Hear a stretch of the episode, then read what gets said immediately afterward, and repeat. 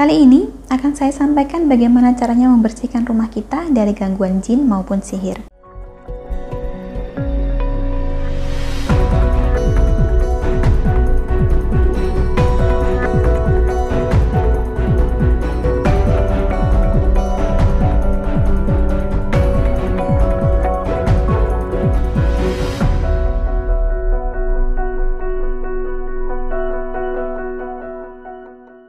Salam Rahayu, kembali lagi dengan saya Dewi Sundari. Apa kabar Anda? Saya doakan semoga selalu sehat dan senantiasa diberikan kemudahan serta kelancaran di mana pun Anda berada.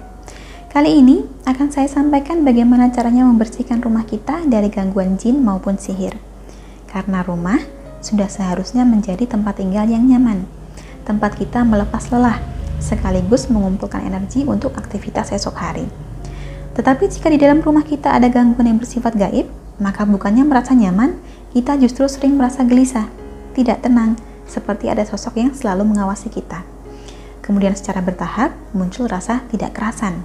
Sesama penghuni rumah menjadi sering bertengkar dan bahkan tidak pernah rukun.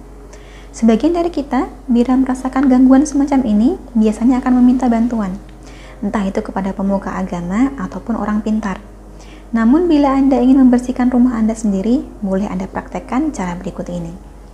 Caranya sederhana, yaitu sediakanlah satu ember air. Kemudian bacakanlah surat Al-Baqarah pada air tersebut.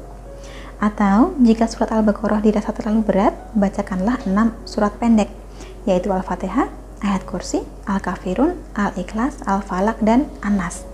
Masing-masing bacakanlah tiga kali. Kemudian tiupkan pada air tersebut sambil meniatkan dalam hati untuk membersihkan gangguan jin dari rumah Anda. Membaca ayat sucinya tidak harus keras-keras, boleh dengan suara lirih saja tidak apa, asal terdengar di telinga kita sendiri, maka sudah cukup. Air yang sudah dibacakan doa, gunakanlah untuk mengepel lantai rumah.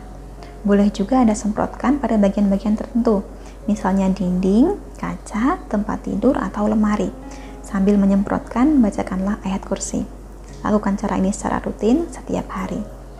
Nantinya akan muncul tanda-tanda berupa hewan mati, entah itu cicak, semut, atau tikus.